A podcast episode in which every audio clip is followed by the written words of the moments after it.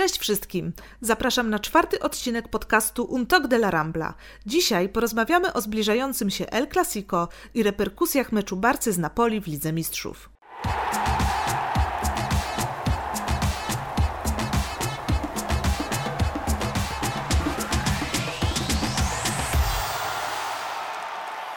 Zanim przejdziemy do głównych tematów odcinka, przed nami szybkie szoty, czyli garść informacji z piłkarskiego świata, które nie znalazły miejsca w naszym podcaście, ale nie sposób o nich nie wspomnieć. Bayern i Manchester City bliżej awansu do ćwierćfinału Ligi Mistrzów. Bawarczycy pokonali Chelsea na wyjeździe 3 do 0 i mogą być niemal pewni przejścia dalej. Zabłysnął Robert Lewandowski, który na Stamford Bridge zaliczył dwie asysty i bramkę. Niestety mecz okupił kontuzją i będzie pauzować około 4 tygodni. Kolei Manchester City pokonał Real na wyjeździe 2-1, odrabiając początkową stratę. Sytuację królewskich przed rewanżem pogorszyła czerwona kartka dla Sergio Ramosa. Wspomniany Ramos wyrównał niechlubny rekord Dawidsa i Ibrahimowicza. Z czterema czerwonymi kartkami na koncie został najczęściej wyrzucanym z boiska piłkarzem w historii Ligi Mistrzów. Artur w meczu z Eibarem rozegrał pierwsze pełne 90 minut od starcia z Celtą, które miało miejsce 9 listopada zeszłego roku. W końcówce strzelił gola, dzięki któremu Barca po raz pierwszy wyprzedziła Real Madryt w klasyfikacji najbardziej bramkostrzelnych klubów w historii La Ligi. 36-letni Dani Alves nadal jest szalony. W wygranym 4-0 meczu siódmej kolejki Paulista Serie A1 mistrzostw brazylijskiego stanu São Paulo, były piłkarz Barsy, zdobył dwa gole i zaliczył 99 celnych podań, 92,5% skuteczności. Przy jednej z bramek asystował mu inny zawodnik znany z przeszłości w ligach europejskich, Aleksandre Pato. Strzelił on pozostałe dwie bramki. Dlaczego mecze Barsy z Realem generują coraz mniej emocji? Po odpowiedzi zapraszamy na łamy portalu fcbarsa.com, gdzie ukazał się felieton wielkiego nieobecnego dzisiejszego podcastu Rafała Kowalczyka pod tytułem El Clasico w dobie zmian hiszpańskiej piłki.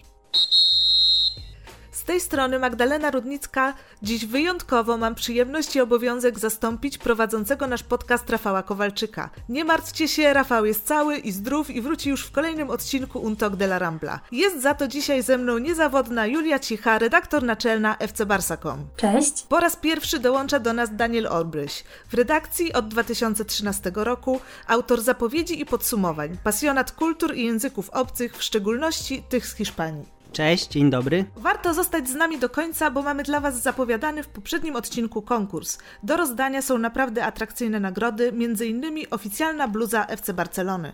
Zanim ruszymy, przypomnę jeszcze o używaniu hashtagu UTDLaRambla. Czekamy na Wasze pytania i propozycje tematów, które powinniśmy poruszyć w kolejnych odcinkach.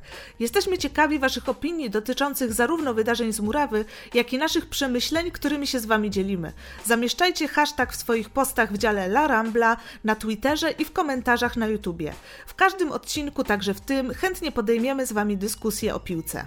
Przed nami El Clasico, Mecz z Realem zbliża się już wielkimi krokami i oczywiście to będzie dziś nasz główny, wiodący temat podcastu, ale nie sposób pominąć tego, co wydarzyło się w jednej ósmej finału Ligi Mistrzów. Barcelona zdoła, zdołała zremisować z Napoli, zdobywając gol na wyjeździe i muszę Was zapytać, jakie są Wasze opinie na szanse wyjścia Barcelony do kolejnej fazy Ligi Mistrzów? Mm, szanse są spore. Przede wszystkim dlatego, że rewanż gramy u siebie. To jest zawsze niezależnie od jakichkolwiek okoliczności kadrowych, kontuzjowych, nie wiem, e, trenerskich. Zawsze to jest okoliczność po prostu, która sprawia, że Barcelona ma bardzo dużo szans na awans. E, e, natomiast e, nie da się ukryć, że no, postawa w pierwszym meczu nie, nie napawa optymizmem, jeśli chodzi o grę, ale sami piłkarze też widać, że skupiają się właśnie głównie na rewanżu. Tak jak przeglądałem sobie niektóre feedy na, na, w mediach społecznościowych, widać było, że wszyscy tylko mówią rewanż na Camp Nou, rewanż na Camp Nou i to było ewidentnie wiodącym motywem więc wszyscy się tam motywują. Pytanie tylko, czy dotrze tam wystarczająca ilość piłkarzy, żeby w ogóle w w jakikolwiek sposób powalczyć z Napoli wyjść 11 na 11. No właśnie, podniosłeś już temat y, kontuzji i tego, jakie są teraz zasoby kadrowe w Barcelonie, zarówno przed klasykiem, no bo to przecież też na to wpłynie, jak i przed rewanżem z Napoli. I chciałabym teraz Was zapytać o to, no ponieważ przystąpimy do meczu na pewno bez Busquetsa, bez Vidala, doszła do tego jeszcze kontuzja Piqué, wcześniej wiadomo, Sergi Roberto. No, ale Piqué już zagra w klasyku. To tak, dzisiaj po... zostało potwierdzone. Potwierdzone jest oficjalnie? Znaczy Rakun tak podała, Rakun raczej ma w miarę sprawdzone informacje. Y, I ciekawa jestem w tym momencie, jak wy uważacie, jakie może być podejście zawodników do tej sytuacji, ponieważ pojawiały się takie wypowiedzi zarówno Busquetsa, jak i Rakiticia, które moim przynajmniej zdaniem wskazywały, że według nich ta kantra jest zbyt wąska, ponieważ pojawiały się takie słowa jak to, że jesteśmy w sytuacji, w jakiej jesteśmy, kadra jest wąska, ale osoby odpowiedzialne za to zdawały sobie z tego sprawę tak pół żartem, pół serio, to e, Barcelona będzie walczyć tak jak nigdy, ponieważ połowę jej składu będą stanowić rezerwy. Ale no tak, e, wychodzi na to, że wliczając e, Piqué, który najprawdopodobniej jest zdrowy, mimo że ma lekko skręcony staw skokowy, ale wyczytałam, że tam dają mu jakieś zastrzyki, także powinien dotrwać to mamy 12 piłkarzy pierwszego składu, w tym dwóch bramkarzy, czyli e, tak naprawdę opcje, już nie mówiąc y, nawet o rotowaniu składu, ale o jakimkolwiek zestawieniu go są zupełnie minimalne, ponieważ będzie musiał zagrać Fati pod nieobecność e, Vidala, który zupełnie z jednej strony się głupio wykartkował, ale z, z drugiej też Sędzia moim zdaniem trochę mógł go oszczędzić. Z drugiej strony środek pola to będzie Rakitic, De Jong i Artur, ponieważ innej opcji nie ma. I czy my tu mamy teraz to e, Napoli zaskoczyć? Sam Camp Nou. E, ja bym się chciał jeszcze odnieść do tego, co powiedziałaś o Rakiciu i Busquetsie, o ich wypowiedziach pomeczowych, ponieważ oni w dość delikatny sposób jednak zwrócili uwagę trochę na zasadzie umywania rąk i wskazywania również winnych, oczywiście nie, nie konkretnie palcem, ale jednak wskazali, że w zarządzie, w dyrekcji sportowej są osoby, które po prostu są odpowiedzialne za, za taki, a nie inny stan rzeczy, za to, że pozbyto się chociażby Aleni, który w tej chwili podejrzewam był pewniakiem do środka pola, przynajmniej nie wiem, w zastępstwie Rakiticia, czy, czy pozbycie się Carlesa Pereza, który no naprawdę to jest, to jest historia na, na odrębny wręcz odcinek. Więc y, to jest y, też sygnał taki od zawodników, że oni już naprawdę mają dość y, działań nieudolnego zarządu i moim zdaniem jest bardzo prawdopodobne, że jakby wypowiedzi piłkarzy mogą w tym wypadku mieć tak, nabrać efektu lawiny, że kibice jednak usłyszą te wypowiedzi, przynajmniej ci jakby świadomi kibice oczywiście mhm. i w pewien sposób uświadomią sobie, że kurczę, coś tu jednak nie gra, może już byśmy ten zarząd jednak zmienili. A moim zdaniem to jest wciąż e, za mało, ponieważ te odpowiedzi są e, w dalszym ciągu wymuszone przez dziennikarzy, którzy non-stop zadają pytanie, czy macie zbyt wąską kadrę, czy macie zbyt mało piłkarzy, czy to wina dyrekcji sportowej. I w tym przypadku, jak otrzymujesz e, takie pytanie i odpowiadasz, że no tak, mamy dość wąską kadrę, ale klub o tym wiedział, to to nie brzmi jak e, jakaś ostra krytyka wstawiony właśnie w taki kontekst ciągłego ostrzału pytaniami ze strony dziennikarzy. Moim zdaniem zawodnicy y, naprawdę tak myślą, ale dopóki nie wypowiedzą się jakoś bardziej konkretnie, to wciąż to będzie takie półsłówka podłapywane przez dziennikarzy. Parę tweetów się pojawi, parę artykułów, ale tak naprawdę efekt będzie żaden. Mam wrażenie też, że te wypowiedzi są wypadkową e, tego, co prezentuje drużyna na boisku. Nie chcę tutaj używać jakichś e, nieparlamentarnych słów, ale e, jest po prostu drużyną dość bezjajeczną że tak to ujmę. I zarówno Rakitic, jak i Busquets nie, są, nie będą raczej pierwszymi, żeby powiedzieć coś powiedzmy niepoprawnego politycznie e, względem działań zarządu. Pamiętam na przykład e, nie wiem, wypowiedzi Daniego Alvesa, gdzie on na przykład od, po prostu na konferencjach prasowych potrafił odmówić e, wy, wypowiedzi tylko dlatego, że dziennikarz był z Radia Marka, tak? To w tej chwili mam wrażenie, że takich osobowości po prostu brakuje w drużynie. Że taką osobowością mógłby być Piqué, ale Piqué też mam wrażenie, że przez różne zobowiązania swoje swoje biznesowe też stara się unikać od pewnego czasu wypowiedzi, które mogłyby zaważyć na tym, czy gdzieś podpisze kontrakt, czy gdzieś nie uda mu się zdobyć jakiegoś kapitału.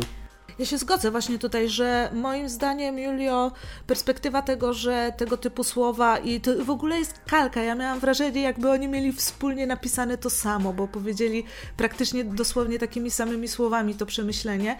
Kiedy to pada z ust takich piłkarzy jak Busquets, jak Rakitic, który rzeczywiście, jeżeli wysłuchamy jakichś opinii w mediach, jakichś wywiadów czy konferencji prasowych, no to to jest takie, jak to Daniel ładnie ujął obrazowo, bezjajeczne zazwyczaj. I z perspektywy tego, kto to mówi, gdyby to padło z czyichś innych ust, kogoś, kto ma jakieś takie bardziej wyraziste poglądy i spodziewałabym się, że chcąc wyrazić krytykę, wyrazi ją otwarcie, to uznałabym, że rzeczywiście to jest jakaś taka tam lajtowa opinia, ale w tym przypadku no, mnie to rzeczywiście pobrzmiewa jednak takim niezadowoleniem i zastanawiam się, na ile silne może być to niezadowolenie w szatni, gdzie piłkarze zaczynają sobie teraz już naprawdę obrazowo, bo mamy 12 dostępnych zawodników. No to jest wręcz skandaliczna rzecz, prawda? Na tym etapie, zwłaszcza kiedy zaczyna się kluczowa faza sezonu. Na ile silne może być to niezadowolenie, jeżeli taki chociażby Busquets, naprawdę grzeczny we wszystkich wypowiedziach i bardzo stonowany facet, wypowiada się tak, że rzeczywiście pobrzmiewa to krytyką zarządu, której no, on jest pewnie jedną z osób, po których najmniej bym się spodziewała. Przejdźmy jeszcze do tego, co działo się na polu na boisku, ponieważ jestem ciekawa Waszych opinii, także z perspektywy zbliżającego się klasyku. Czy mecz z Napoli może być dla nas jakimś przedsmakiem tego, co będzie działo się w meczu z Realem? Czy widzicie tutaj jakiekolwiek możliwości przewidzenia postawy Barcelony? Oraz jak po prostu oceniacie to, co się na murawie w Neapolu wydarzyło? Przede wszystkim myślę, że warto tutaj pochylić się nad kwestią yy, naszej obrony i tego, jak to wyglądało, ponieważ no, na bokach obrony wyglądało to bardzo słabo, prawda? Wyglądało to bardzo słabo, chociaż to było tak też, że kontrolowaliśmy mecz tak naprawdę, wiadomo, posiadanie piłki praktycznie zawsze jest na naszą korzyść. W związku z czym y, trudno było się spodziewać, że Napoli będzie miał jakiś na, jakąś nawałnicę sytuacji, ale tak naprawdę za każdym razem, gdy Napoli jednak udawało się do, gdzieś dojść do tej drugiej piłki zebrać się, się do kontry i przejść do fazy naprawdę ataku. Za każdym razem naprawdę drżało mi trochę serce, bo widać było, że ta nasza obrona po prostu w każdym momencie jest w stanie popełnić jakiś karygodny błąd. No szczególnie już jeśli chodzi o Juniora Firpo, to no chyba każdy ma jakieś coś do powiedzenia na temat tego pana, jak on zagrał. Gorzej niż Semedo? No, Semedo przynajmniej miał asystę. Okej, okay, przyjmuję argument. Tak, na szczęście na rewanż według Kika powinni wrócić już Roberto i Alba, ale jednak w El Clasico trzeba będzie sobie radzić z Firpo i Semedo, ponieważ przy, przynajmniej ja nie wierzę, że taki Sergio Akieme e, z Barsy B, który o ile się nie mylę, nie zadebiutował w pierwszym zespole jeszcze, e, zagra w e, tak ważnym meczu o taką stawkę. No a na prawej obronie też nie ma innych opcji obecnie, także no, ewentualnie mógłby przejść na trójkę obrońców, trójkę stoperów, ale też to nie jest taka pewna sprawa, ponieważ moim zdaniem mógłby to prędzej zrobić u siebie, a, a na Bernabeu to byłoby raczej ryzykowne posunięcie, choć na pewno prędzej spodziewałabym się tego po Kike niż po e, Ernesto Valverde. E, słuchajcie, no skupiliśmy się na obronie w tym momencie, poruszając e, temat tego, co działo się w meczu z Napoli, ale dlatego, że to było to coś, co było naprawdę bardzo widoczne, ale zastanawiam się też, jak sądzicie, na ile obraz tej gry Barcelony, która była taka bardzo niemrawa, bardzo powoli rozwijająca się, zupełnie nieefektywna, były bodajże dwa celne strzały na bramkę ze strony piłkarzy Barsy, y, na ile to może być właśnie takim przedsmakiem tego, z czym spotkamy się w klasyku. Jest taka fajna, a właściwie to bardzo smutna i niepokojąca statystyka, ponieważ największą liczbę podań w tym meczu miał Piqué, mimo że nie rozegrał pełnych 90 minut, co no, myślę, że jest tak naprawdę taką jedną liczbą 114 podań Piqué, która może podsumować no, cały nasz środek pola przede wszystkim, prawda? No tak, e, natomiast chciałem też zwrócić uwagę na to, że to był jednak mecz wyjazdowy w Lidze Mistrzów Barcelony. Po prostu opisanie meczu takimi słowami równa się słaba gra Barcelony. To jest w tym sezonie i w kontekście paru ostatnich też sezonów e, wręcz, e, to są wręcz synonimy. W związku z czym nie, nie porównywałbym tego do pojedynku na Santiago Bernabeu, które jak wiemy przez wielu jest nazywane choćby ulubionym boiskiem treningowym Leo Messiego e, i tego typu określeniami, że no Barcelonie po prostu tam się, tam się gra dość wygodnie i nawet kiedy pamiętam rok temu przecież Pucharze Króla nie szło nam absolutnie. Nagle nic tego nizowego strzeliśmy parę, parę bramek i mm, dwumecz był rozstrzygnięty. E, Bernabeu po prostu ma coś takiego w sobie, sprawia, że Barcelonie naprawdę nigdy nie traktuje się tego jako ciężki wyjazd, raczej jak taki mecz którym równie dobrze mogłyby zostać rozegrane na neutralnym boisku. Tak, ale y, myślę, że to jest y, jednak bardziej winą Realu niż zasługą Barcelony, ponieważ od, od kilku lat Real ma taką y, manię udowodnienia czegoś Barcelonie u siebie.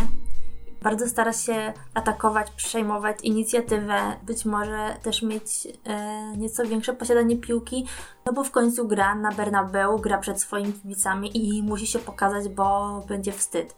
A moim zdaniem, gdy, gdyby taki Real e, zagrał bardziej zachowawczo, ostrożnie i może mniej ładnie, to koniec końców były w stanie się postawić Barcelonie na Bernabeu. Inną sprawą jest, że być może teraz działa też trochę czynnik psychologiczny, ponieważ skoro od tylu lat e, dostają od nas, no regularnie, to yy, pojawiła się pewna bariera, trochę jak u nas z tymi wyjazdami w Lidze Mistrzów. W każdym razie uważam, że Napoli a Real to będą dwa różne światy i na pewno e, zobaczymy więcej e, strzałów, pewnie też więcej bramek i więcej emocji, szczególnie, że tutaj według mnie e, będzie miało bardzo duże znaczenie starcie Realu z City i jego porażka, ponieważ Real będzie teraz tak nabuzowany, czy to pozytywnie, czy negatywnie to się okaże, ale że emocje będą bardzo, bardzo duże.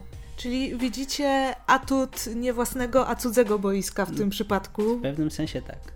W pewnym sensie tak. E, a jak sądzicie właśnie, czy y, w jaki sposób może podejść do tego meczu Real?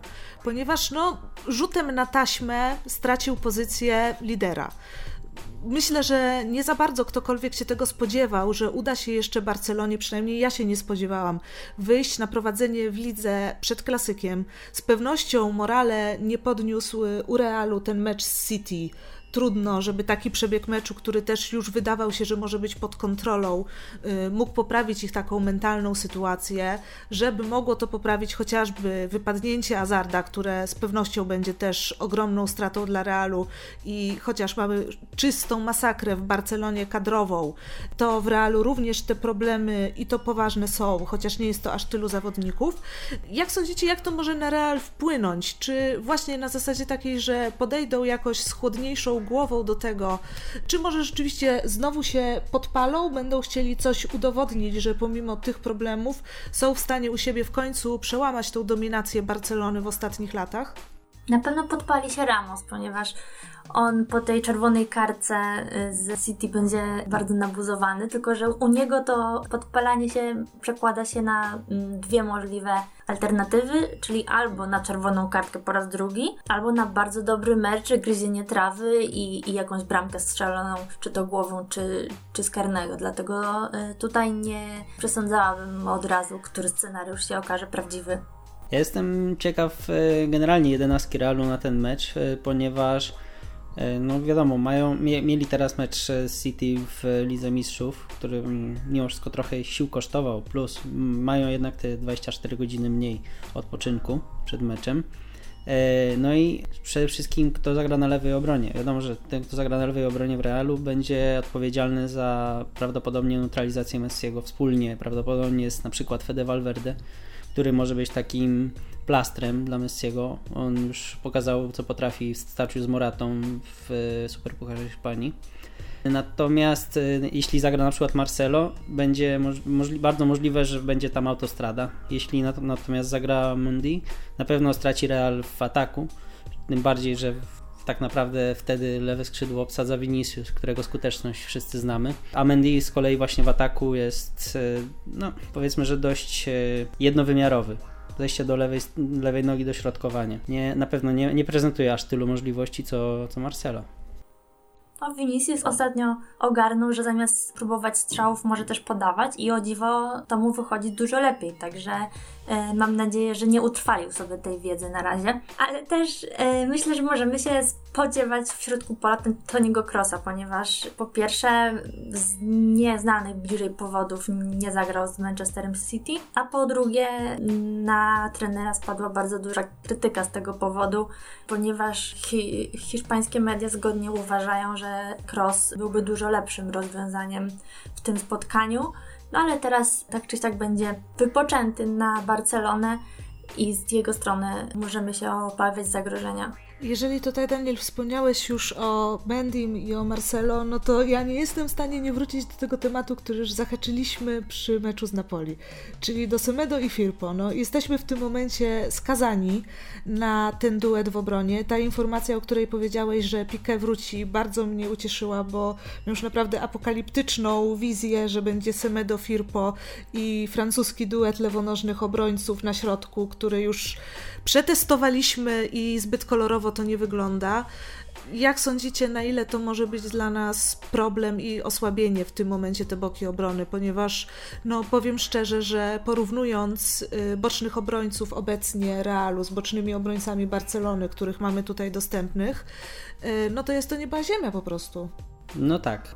Tyle, że w Barcelonie zawsze to też wygląda inaczej niż w Realu. W Realu zawsze w jakiś sposób można to zbalansować i jednak ci obrońcy są przynajmniej w tej chwili bardzo dobrze, bardzo dobrze poukładani zarówno Carvajal jak i Mondi.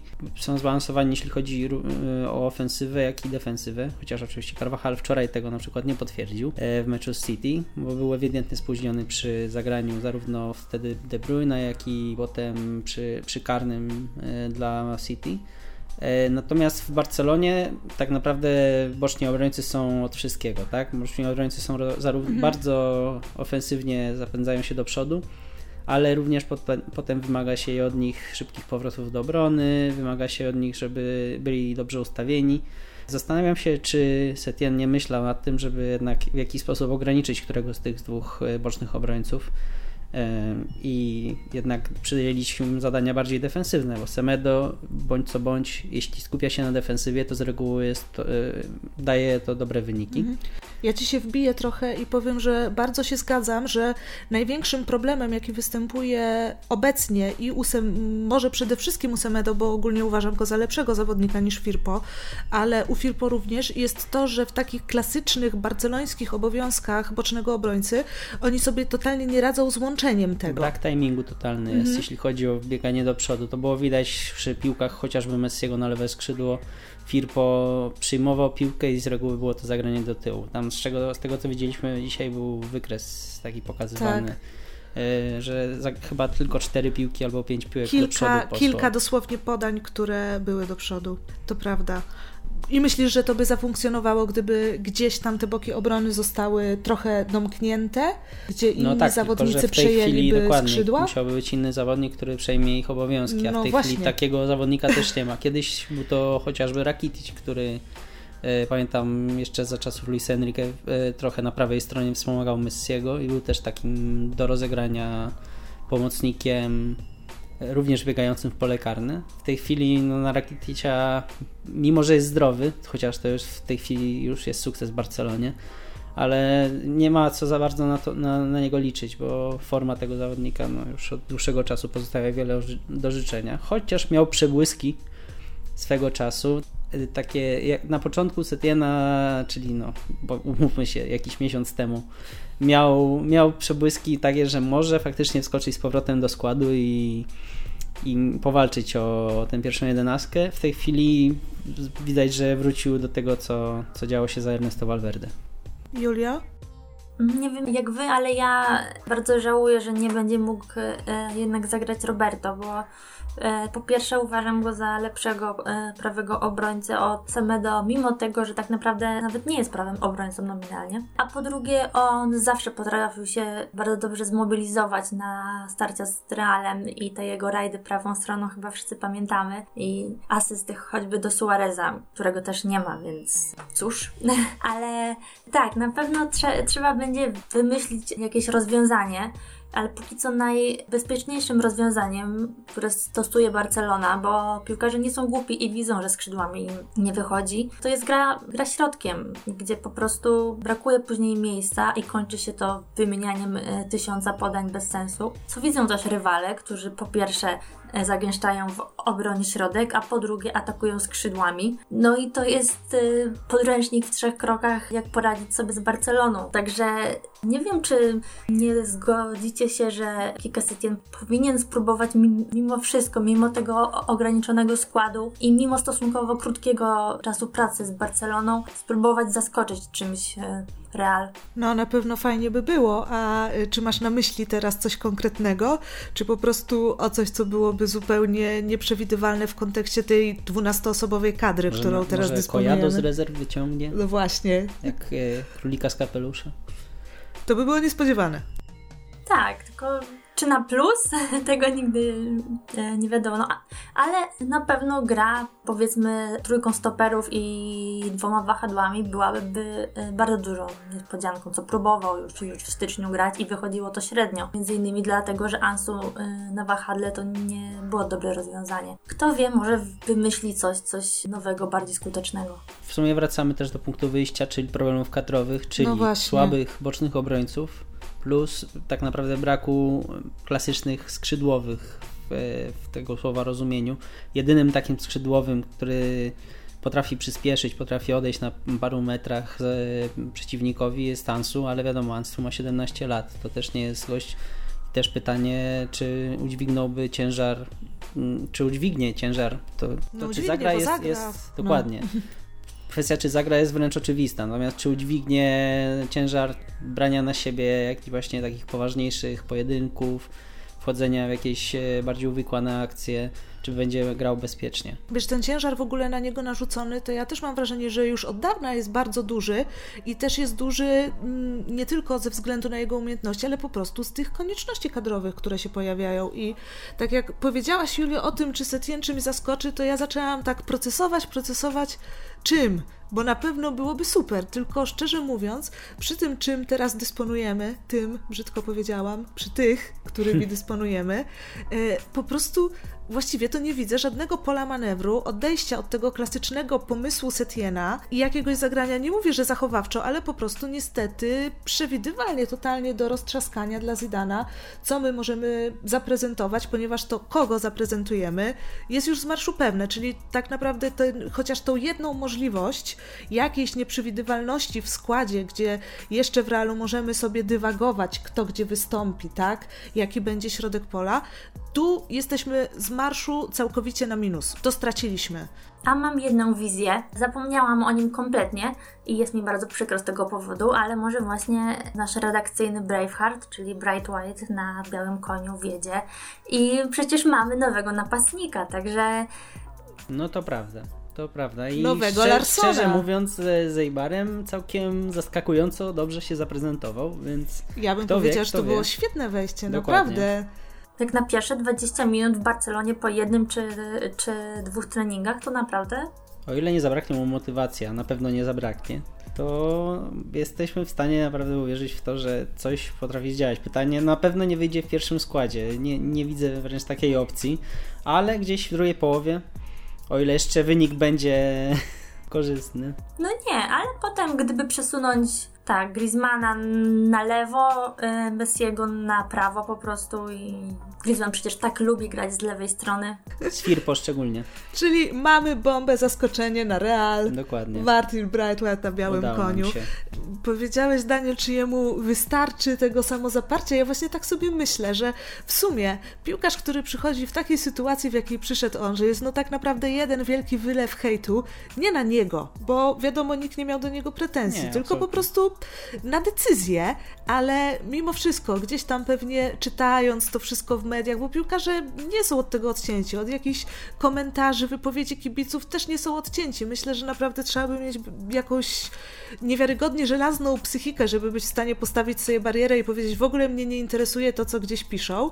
Ja myślę, że w takiej sytuacji piłkarz naprawdę powinien mieć bardzo dużą motywację do tego, żeby pokazać, że jednak on jest w stanie tutaj coś udowodnić i dlatego tak nawet optymistycznie całkiem patrzę, zwłaszcza po tym jego wejściu w meczu ligowym.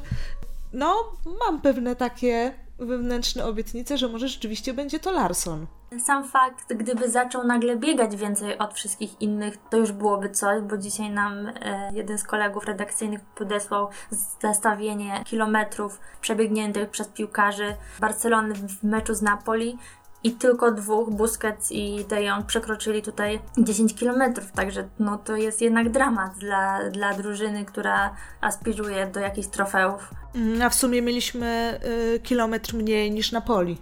Znaczy, się drużynowo. Dramatem średnio. nie jest mhm. sam fakt y, małej liczby kilometrów, bo no, jeśli nie mieliśmy faktycznie dużo mniej, Przede wszystkim też e, trzeba zwrócić uwagę na fakt, że Napoli głównie za piłką biegało, a tak. jednak Barcelona głównie piłkę posiadała. Natomiast chcąc faktycznie wygrywać i zaskakiwać przeciwnika, przy tej piłce też trzeba zachować pewną intensywność, a tego w tym meczu w ogóle nie było widać. To było wszystko tak jednostajne. Dopiero w drugiej połowie tak naprawdę mm, pojawił się pewien element zaskoczenia, rozciąganie trochę gry, troszeczkę też właśnie wykorzystanie skrzydeł, widzę gol yy, po zagraniu Semedo. Potem z kolei Napoli też się dzięki temu tej bramce otworzyło.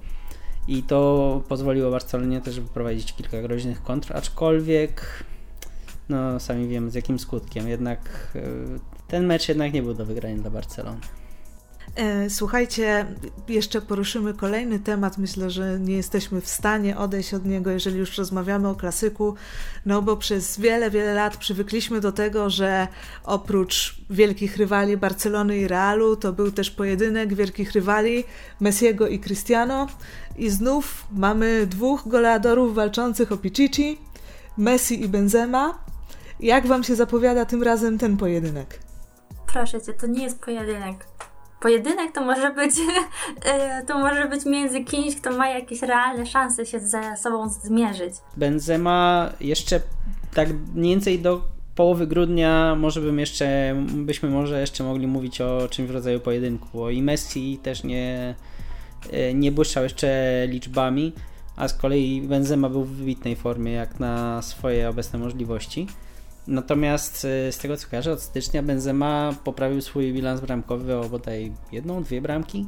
Mm, no, wypłaszczyło się nie to pamię- Dokładnie. Y, Messi oczywiście też tutaj miał swego rodzaju posłuchę, ale no teraz z Eibarem na przykład strzelił cztery bramki i wszyscy o tym powiedzmy, że zapomnieli.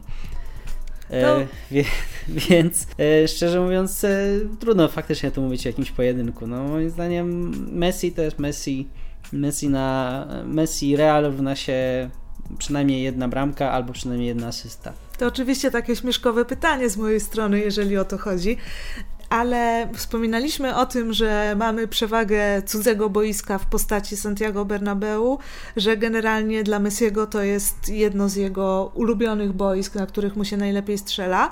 Ale czy myślicie, że tym razem tak będzie i co się okaże silniejsze, ponieważ Messi ma tych 18 bramek w tym momencie, ale aż 15 z nich zostało zdobytych na Camp Nou. W tym momencie to są trzy bramki wyłącznie y, na wyjeździe i tak naprawdę ta statystyka wygląda identycznie we wszystkich rozgrywkach, zarówno w lidze, jak i w lidze mistrzów, jak i w Pucharze Króla, że zdarzają się właśnie takie mecze, to znaczy cały bilans bramkowy jest oczywiście świetny, tak jak do tego przywykliśmy, prawda? Zdarzają się mecze, tak jak ten z Eibarem, y, w których pod względem zdobytych bramek Leo błyszczy, ale te właśnie takie błyski generalnie mają miejsce na Camp Nou. Ja myślę, że to przy, w przypadku El Clasico nie ma znaczenia. E, można by dywagować na ten temat, gdybyśmy e, grali z Atleti, z Betisem, z Sevillą, z Valencją ale jak gramy z, z Realem, to wszystkie tego typu y, dane i statystyki odchodzą na, na dalszy plan, bo tutaj trzeba rzucić frazesem, że to jest jednak więcej niż mecz. I Messi y, też oczywiście zdaje sobie z tego sprawę, y, bo o ile mogłoby się wydawać, że on nie przeżywa tego tak intensywnie i chowa to wszystko w sobie, to y, zdarzają się takie chwile, że pokazuje te swoje emocje ukrywane wewnątrz, jak choćby wtedy, kiedy pokazał Bernabeu swoją koszulkę. Tak, także y, widać, że u niego motywacja będzie ogromna, a inna sprawa to to, czy będzie celność i skuteczność, ponieważ głównie tego mu brakowało w meczach przed Eibarem. On bodajże oddał 30 parę, 38 czy coś koło tego strzałów na bramkę bez strzelenia gola. Generalnie łatwość w zdobywaniu bramek. E, trzeba tutaj zwrócić uwagę też na obniżkę zdecydowaną formy obrony Realu. Para Varan Ramos wydawała się tak jeszcze miesiąc temu naprawdę kandydatami do stoperów sezonu. E, natomiast w tej chwili, e, w ostatnich kilku meczach nie wyglądało to tak dobrze. E, stracili przecież dwie bramki z Celtą, stracili dość, hmm, jakby to powiedzieć, nieoczekiwaną, ale jednak dość też głupią bramkę z Levante. W meczu z City również no, działy się różne rzeczy, które nie, nie wystawiają najlepszego świadectwa tym, tym zawodnikom i generalnie całej linii obrony Realu.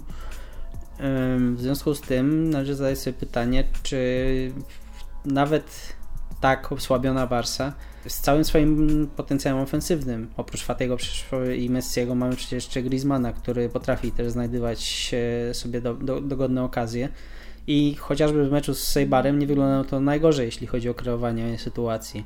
Wszystko też zależy od tego naprawdę, czy Real się zamknie na swojej powie, a z tego co mówiliśmy wcześniej, że Real jednak e, popychany jakby dumą tą własną, tą chęcią takiego zrewanżowania się w Barcelonie, udowodnienia, że jest się jednak lepszym, że się zasługuje na ten fotel lidera, e, na pewno zagra ofensywnie. I tu upatrywałbym jednak szans w znajdywaniu jakichś luk, e, znajdywaniu przestrzeni za plecami obrońców E, Avaran i Ramos e, ostatni, ostatnimi czasy po prostu nie sprawiają wrażenia tego monolitu, który, które sprawiali jeszcze tak do stycznia. Jest jeszcze taka jedna kwestia, która w klasykach nie raz, nie dwa bywała kluczowa. Jest to arbitraż. Tym razem mamy do czynienia z Mateu Laozem. I co ciekawe, w ankiecie bodajże Mundo Deportivo, jeżeli mylę gazetę, to mnie poprawcie, ale chyba Mundo, znalazł się on na ostatnim miejscu, jeżeli chodzi o marka. To była marka? O, no to jeszcze ciekawiej, ale zgodziłabym się z czytelnikami marki. Znalazł się na ostatnim miejscu preferowanych arbitrów, y, jeżeli chodzi o El Clasico. Jak myślicie, czy jest ten pan w stanie zepsuć nam potencjalne widowisko? Oby było to widowisko oczywiście. Zdecydowanie jest. Zdecydowanie jest. To jest gość, który ewidentnie mm, szuka szuka protagonizmu, szuka po prostu jest, tego, żeby być gwiazdą, na, pierwszych, to... Na pierwszych stronach gazet, e, żeby się o nim mówiło. E, wystarczy, że zawodnik tak naprawdę podejdzie do niego i się spyta, czemu dałeś mi tą kartkę, czemu podjąłeś taką, a nie inną decyzję. On potrafi bez, bez słowa zawahania po prostu wyjąć żółtą kartkę. No a wiadomo, w dalszych fazach meczu, kiedy ktoś już ma na koncie żółtą kartkę, to może być zgubny. Mm. Widzę przypadek Arturo, Arturo Vidala w ostatnim meczu z Napoli. Notabene kartki również nie do końca moim zdaniem zasłużonej. A ty się obawiasz, Julio, tego, że mecz może po prostu zostać zepsuty arbitrażem? Mm, tak, ja kiedy y, zobaczyłam, kto poprowadzi ten mecz, to już od razu y, wiedziałam, że gwiazda tego spotkania została poznana, ogłoszona na tydzień przed i już można zacząć pisać podsumowanie.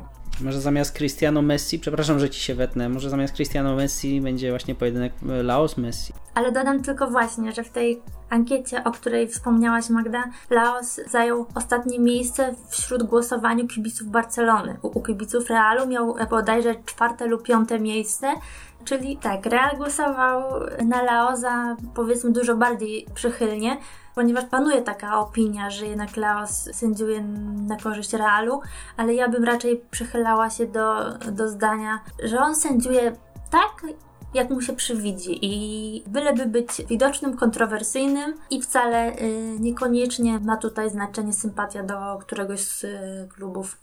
No dobra, zbliżamy się nieuchronnie do podsumowania i myślę, że musimy ten temat zamknąć tym, y, kto według Was jest faworytem i jakie są Wasze przewidywania, jeżeli chodzi o wynik klasyku. Ja typuję dużo bramek i prawdopodobnie remis bramkowy, myślę. również przewiduję, że może być dużo bramek, że tutaj nie, zarówno jedna i druga drużyna mają problemy w defensywie, więc coś, coś do sieci wpadnie. Natomiast no, Barca, Barca ma Messiego. W tej chwili Real nie ma nikogo takiego, kto mógłby taką różnicę zrobić. Więc typuję coś w rodzaju 3-2 dla Barcelony, może 2-1. Ja typowałabym jednak coś niższego, bardziej 2-1 niż 3-2, a może 1-0. Postrzegam mimo wszystko Barcelonę jako faworyta yy, przez te wszystkie powody, o których mówiliśmy, czyli to, że mamy mecz na Santiago Bernabeu, że Real z pewnością będzie teraz poddenerwowany, a Messi prawdopodobnie będzie gryzł murawę. Ale jeżeli zobaczymy, tak jak tutaj trochę przewidujecie sporo bramek, nawet gdyby to był remis bramkowy, to ja się chyba jednak nie obrażę. Nadszedł czas na zapowiadany konkurs. Sponsorem nagrody głównej, oficjalnej bluzy klubowej, jest nasz oficjalny partner sklep Zgoda FC, który daje dla użytkowników FC Barsa.com 15% rabatu na cały asortyment FC Barcelony. Jeśli oglądacie nas na YouTubie, nagroda główna wyświetla się właśnie na ekranie. Możecie też zajrzeć do linku w opisie. Dla osób, które zajmą drugie i trzecie miejsce, przewidzieliśmy nagrody książkowe. Co zrobić, by wziąć udział w konkursie? Wystarczy zostawić kciuk w górę pod tym odcinkiem podcastu, zasubskrybować kanał YouTube FC Barsa.com i w komentarzu na tej platformie napisać pytanie do nas lub temat na kolejne odcinki. Najciekawsze tematy znajdą się oczywiście w najbliższych podcastach, a do ich autorów powędrują nagrody. Pamiętajcie o oznaczaniu komentarzy hashtagiem UTDLaRambla. Powodzenia! Dziękujemy, że dotarliście razem z nami do samego końca odcinka. Jeśli podobało się Wam, nie zapomnijcie podzielić się nim z innymi, zostawić kciuk w górę i oczywiście subskrybować kanał. Tylko dzięki Waszemu wsparciu możemy robić coraz lepsze materiały. Moimi gośćmi byli dzisiaj Julia Cicha. Dziękuję bardzo. I Daniel Olbryś. Cześć, dzięki. Dzięki i do usłyszenia niebawem.